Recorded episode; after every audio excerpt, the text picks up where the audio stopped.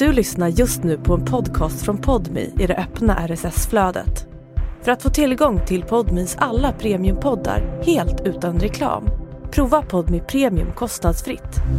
Ladda ner appen i App Store eller Google Play.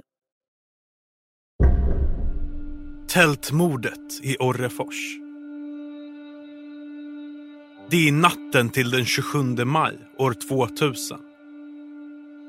I Äppelträdgården, alldeles intill Orrefors glasbruk, har sju barn slagit upp sina tält för att få en försmak på sommarlovet.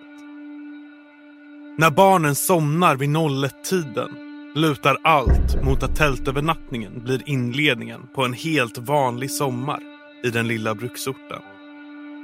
Men klockan halv fyra på natten vaknar tioåriga Siri av ett brännande stick i nacken. Hon tittar upp från sin sovsäck och ser en gestalt med en skrämmande blick i tältöppningen. Hon ger ifrån sig ett skrik som skrämmer personen på flykt. Men när Siri vänder sig om ser hon sin vän, tioåriga Carolina, stappla ut från tältet. Hon blöder kraftigt från ansiktet.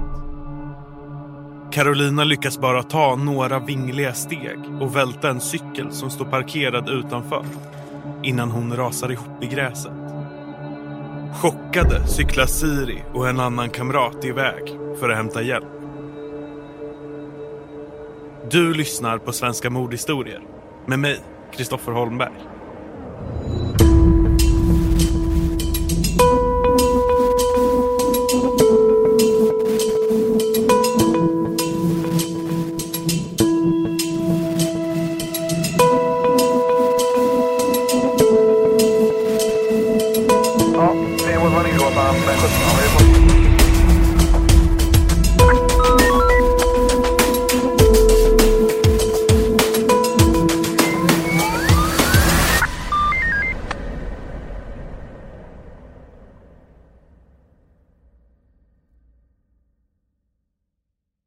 Lilla bruksorten Orrefors med sina cirka 700 invånare ligger längs vägen mellan Kalmar och Vetlanda, mitt i det så kallade glasriket. Efter att livet på orten kretsat kring järnbruk under 1700 och 1800-talen startade den första glastillverkningen vid Ljungbyån 1898. Det skulle bli början på en stor succé. När glasbruket firar 100 år, 1998, är namnet Orrefors känt över hela världen. Dygnet runt tillverkas här väldesignade dricksglas, ljusstakar, vaser, skålar och prydnadsföremål som skeppas ut över alla världens kontinenter. Och i sommartid fylls orten av glasrikes turister som kommer för att njuta av den vackra bruksmiljön. Se de skickliga glasblåsarna utföra sitt hantverk. Besöka glasmuseet och fynda glas på rea från fabriksbutiken.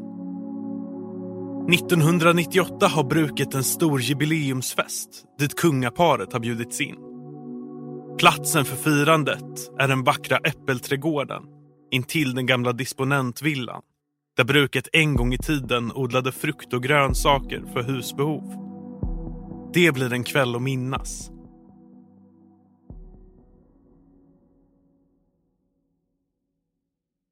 Äppelträdgården är fortfarande något av en gemensam trädgård för Orreforsborna. Här brukar orkestrar spela och på sommaren är det populärt för barnen i brukssamhället att tälta. Som ett äventyr på hemmaplan. Nära hem för de flesta och ett stenkast från glasbruket. Där nästan alla barnen har någon förälder som jobbar, även på nätterna. Men det finns små sprickor i bruksidyllen.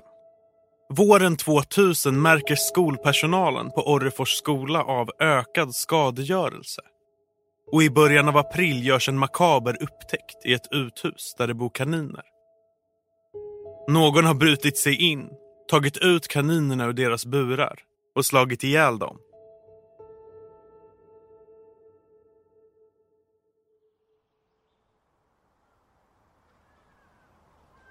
Det är fredagen den 26 maj år 2000. De 175 eleverna på Orrefors skola har haft utflykt med tältövernattning. och under dagen har barnen genomfört den årliga tävlingen Sjön runt vid Orranässjön. Vädret är inte det bästa med cirka 10 grader i luften. Men den grönskande naturen och den blå sjön visar tydliga tecken på att det efterlängtade sommarlovet bara är ett par veckor bort.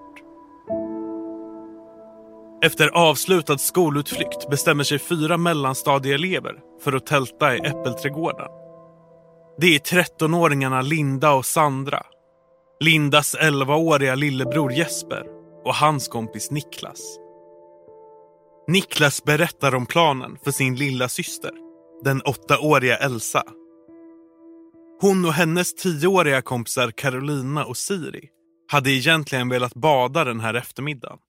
Men deras föräldrar har tyckt att det var en dålig idé. Nu när dagen har övergått till kväll kommer de på att de också skulle kunna tälta i Äppelträdgården. Siri och Elsa får klartecken från sina föräldrar och när Carolina frågar sin mamma ser denna inte heller några problem med det lilla äventyret. De bor bara ett par hundra meter från Äppelträdgården och Carolinas pappa ska dessutom jobba natt på glasbruket som ligger ännu närmre tältplatsen. Det är en stolt och lycklig Carolina som packar sovsäck, kudde och lite fika för att sedan bege sig iväg mot Äppelträdgården. Puss mamma, vi ses imorgon, säger hon innan hon hoppar på cykeln. På den korta sträckan mellan bruksområdet och Carolinas hem är det flera Orreforsbor som möter den ljushåriga lilla flickan som stolt berättar att hon ska tälta utan vare sig sin mamma, sin pappa eller något av sina syskon.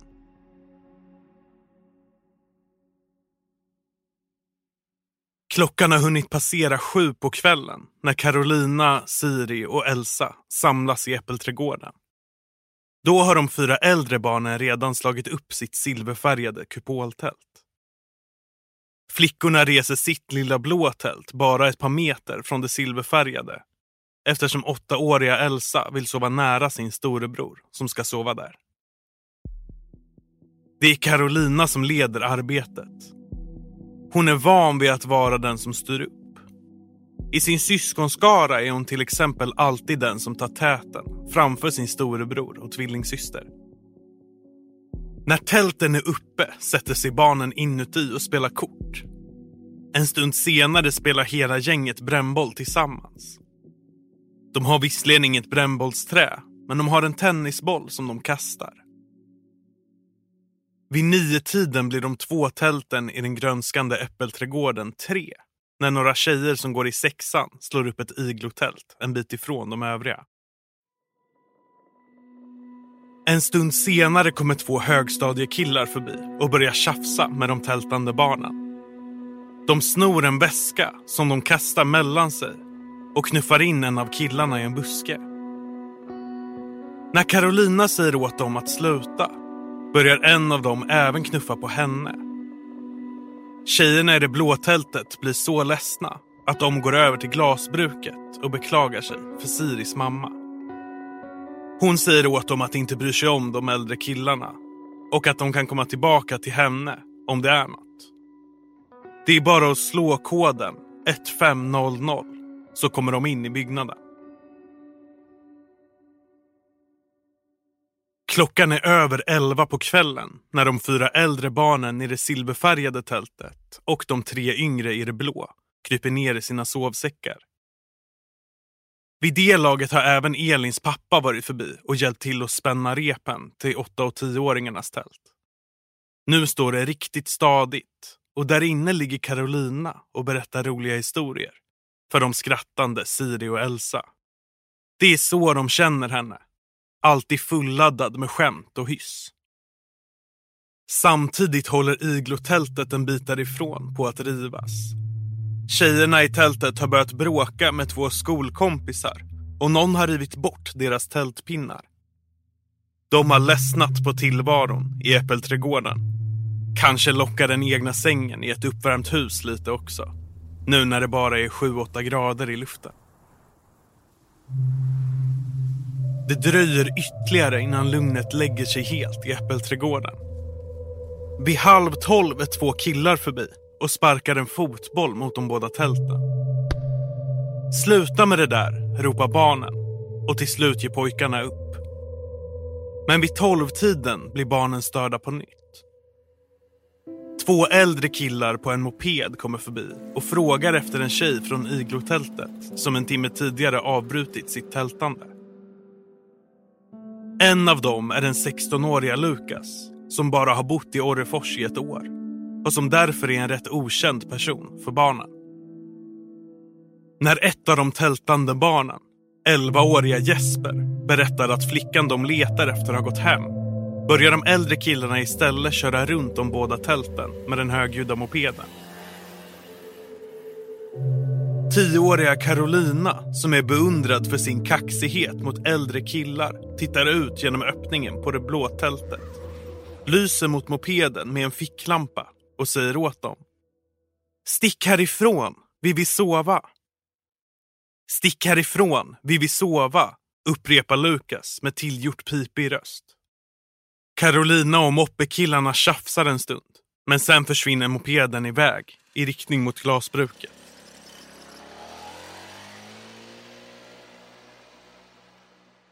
Men det dröjer ytterligare en timme innan alla sover. De äldre barnen fortsätter att småprata i sitt silvertält. Och i det blå granntältet har de yngre tjejerna börjat prata om vilka killar i skolan de tycker är söta. Var tysta, vi ska sova, väser det silverfärgade tältet. Nej, det är ni som ska vara tysta, svarar det blå. Till slut sover alla sju barnen. Klockan är runt halv fyra på morgonen och det har redan börjat ljusna i Orrefors när en mörk gestalt smyger in i äppelträdgården mot de båda tälten. Sakta närmar sig personen det blå tältet, går ner på huk och verkar fundera. Inifrån hörs de sovande flickornas andetag. Gestalten rycker upp en av tältpinnarna som i ett försök att få tältet att rasa ner över de sovande barnen. Men när tältet bara sjunker ihop lite grann sätter personen tillbaka pinnen i jorden. Tar fram en morakniv, sticker försiktigt in den i den blå tältduken och skär en L-formad reva. Genom öppningen ser han konturerna av flickorna. Gestalten kryper in halvvägs i tältet innan den plötsligt gör ett utfall med kniven. Ett hugg träffar tioåriga Siri som ligger närmast öppningen. Och nästa träffar tioåriga Carolina som ligger i mitten. Siri vaknar med en brännande smärta i nacken. Hon tittar upp och en kort sekund möter hennes vettskrämda blick den mörka gestaltens. Siri hinner aldrig se personens ansiktsdrag för den har en bit tyg över ansiktet. Men hon lägger märke till de arga och konstiga ögonen. Nästan utan att hon är medveten om det ger Siri ifrån sig ett skrik som verkar skrämma den mörka gestalten. Som tar några snabba steg bort från tältet och börjar springa. När Siri vänder sig mot kompisarna ser hon Carolina som håller på att vakna.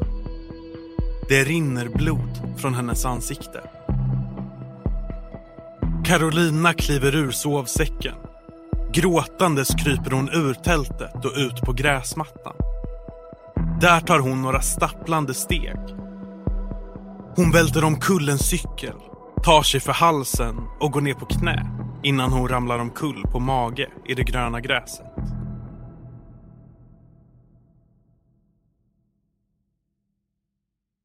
I det andra tältet har 11-åriga Jesper vaknat och han tittar nu ut för att se vad som händer.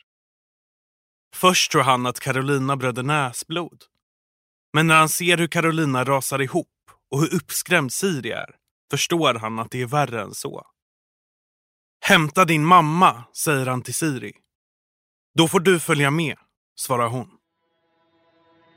De cyklar så snabbt de kan bort till glasbruket slår koden 1500 och springer in på gransknings och förpackningsavdelningen där Siris mamma har jobbat hela natten. Mamman tar med sig en manlig kollega och tillsammans med de båda barnen springer de bort till tälten i äppelträdgården. Där ligger Carolina ensam på mage i gräset. Siris mamma vänder på Carolina. Hon är medvetslös och helt nerblodad från ett djupt skärsår i halsen. Medan kollegan börjar ge Carolina första hjälpen återvänder Siris mamma till glasbruket. Hennes mobiltelefon fungerar inte så hon behöver låna en telefon på bruket för att ringa 112. Klockan är nio minuter i fyra på morgonen när larmet kommer in. Och elva minuter senare, klockan två minuter över fyra den 27 maj, är ambulansen på plats. Men Carolina är redan död. Knivskadan i hennes hals är så djup att hon antagligen har avlidit redan när Siri och Jesper cyklade iväg för att hämta hjälp. Nu inser de vuxna att Siri också har blivit skadad.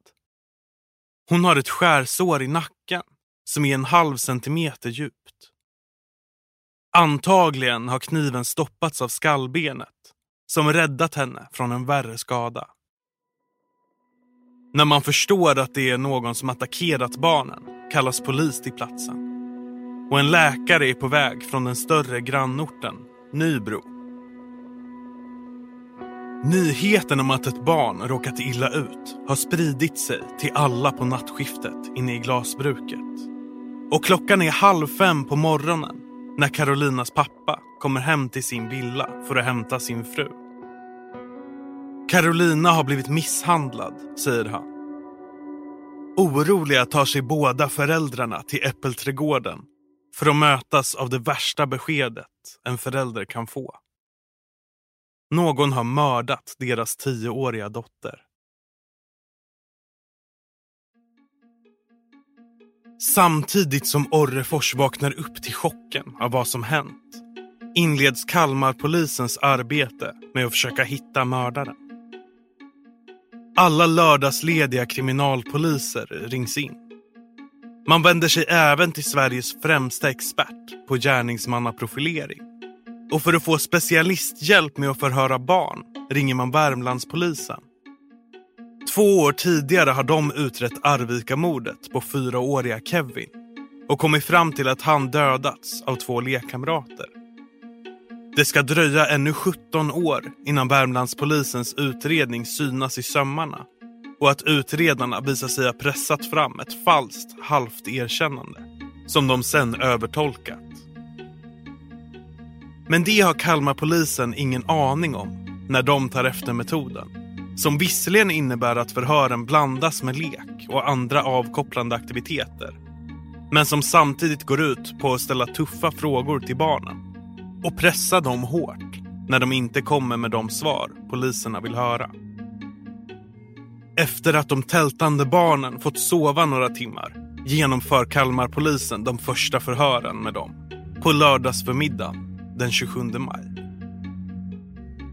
Flera av barnen berättar om bråket med niondeklassarna som stal en väska. Men moppekillarna nämns bara som hastigast. Och den enda som verkligen har sett den maskerade mördaren på natten, Siri, vågar ännu inte berätta om det. Det som polisen blir mest intresserad av är att flera av barnen nämner en man som passerat förbi dem sent på kvällen.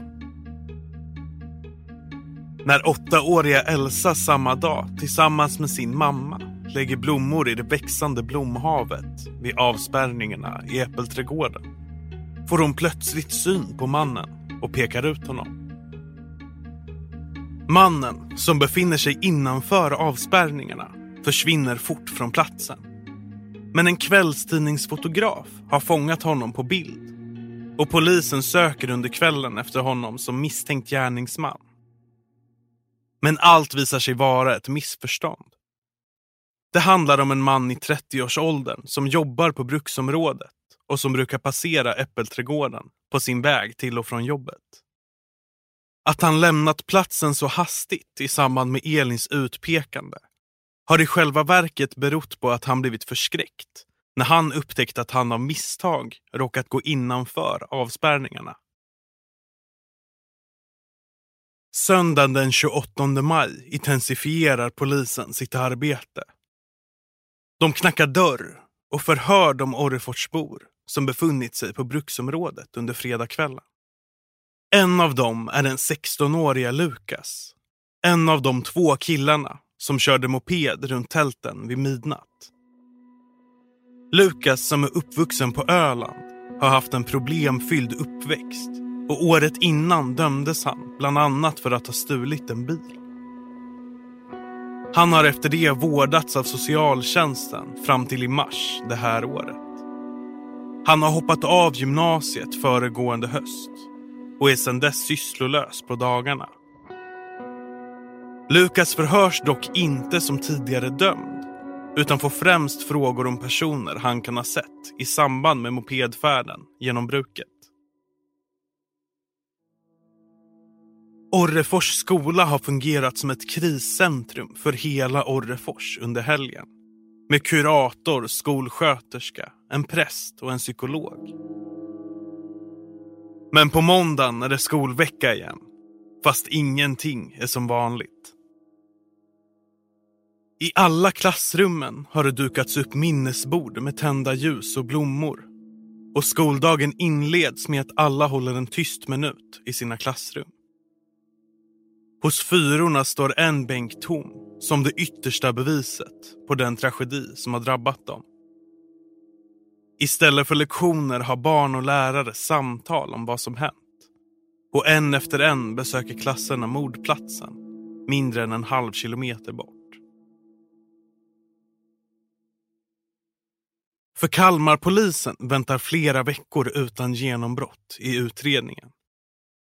Man är nu rätt säker på att det är ett barn som ligger bakom knivattacken på Carolina och Siri. Antingen någon av de tältande barnen själva eller någon av dem som befunnit sig på platsen under kvällen. Men trots tuffa förhör är det inget av barnen som säger något som är ens i närheten av ett erkännande. Men i början av juli drabbas Orrefors av ett par nya brott som ska visa sig bli avgörande för utredningen av Carolinas mord. Natten till den 4 juli 2000, drygt fem veckor efter mordet på Carolina, blir några kläder som hänger ute på tork sönderskurna. Och natten därpå vaknar två sommararbetande tonårsflickor av att någon knackar på rutan till den bostad de delar på. När de tittar ut ser de en maskerad man som står och onanerar. När polisen kommer dit är mannen borta. Men en av flickorna känner igen hans ögon. Hon beskriver en kille som brukar åka runt på inlines. Och ledtråden leder polisen till den 16-årige Lukas. Den struliga killen på moppen som dök upp på mordnatten. Polisen beger sig omedelbart för att förhöra Lukas som erkänner både att han blottat sig och att han förstört kläderna. Lukas sitter anhållen två dagar. Men även efter att han släpps ut igen fortsätter polisen kalla honom till nästan dagliga förhör. Nu vill de istället veta mer om natten mellan 26 och 27 maj. Polisen genomför också en husrannsakan hemma hos Lukas. Där hittar man en dikt där Lukas har fantiserat om mord. Men man hittar också något viktigare. En morakniv. Kniven har spår av blod. Blod som senare visar sig tillhöra både tioåriga Siri och Carolina.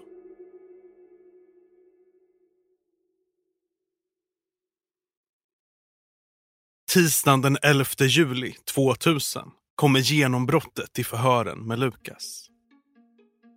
Han berättar nu om att det finns två sidor av honom en god och en elak. Och att det var den elaka versionen som begav sig till äppelträdgården mitt i natten och attackerade de tältande flickorna med kniv. Lukas berättar om hur han kommit hem en stund efter midnatt och att han suttit och tittat på tv fram till klockan två innan han somnat på soffan.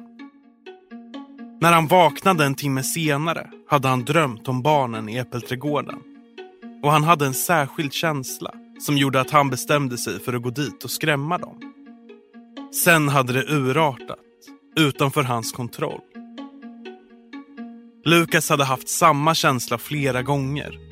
I april när han dödade kaninerna och för en vecka sedan när han skar sönder kläderna och blottade sig för de sommarjobbande tonårsflickorna. Den 12 juli häktas Lukas och samtidigt beslutas det att han ska skickas till Huddinge sjukhus söder om Stockholm för att genomgå en rättspsykiatrisk utredning. När åtalet kommer, fyra veckor senare, har undersökningen kommit fram till att Lukas lider av en allvarlig psykisk störning. Vid rättegången i mitten av september nekar Lukas till att uppsåtligen ha mördat Carolina. Han erkänner istället grov misshandel och vållande till annans död. Men när tingsrätten meddelar sin dom den 25 september 2000 anser man att Lukas måste ha varit medveten om att knivhuggen var livsfarliga och att han därför ska dömas för mordet på Carolina och mordförsöket på Siri. I december kommer Göta hovrätt fram till samma sak. Lukas vårdas i 12 år på rättspsykiatriska avdelningen i Västervik. Och efter att stegvis ha slussats tillbaka ut i samhället skrivs han ut 2012. Förutom en rattfylleridom 2018 har han när det här avsnittet görs i början av 2021 inte begått några nya brott utan lever ett ordnat liv med jobb och sambo på en ort i södra Sverige. Redan vid erkännandet visade han tecken på stor ånger över att ha orsakat Carolinas död.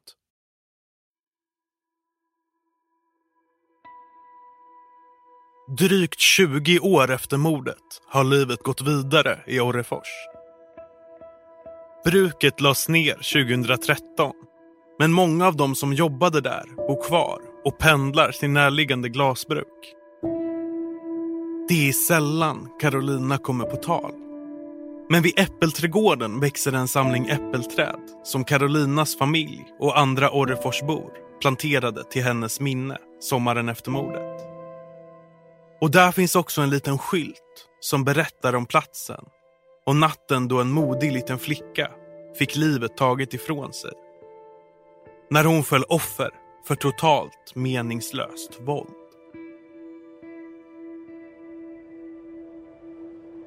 Du har lyssnat på Svenska mordhistorier med mig, Kristoffer Holmberg. Manusförfattare är Per Johansson. Alla namn i det här avsnittet, förutom Carolinas, är fingerade. Källorna för avsnittet kan du läsa på podmi.com snedstreck svenska bindestreck mordhistorier. Svenska mordhistorier görs av podcastbolaget Cast exklusivt för Podme.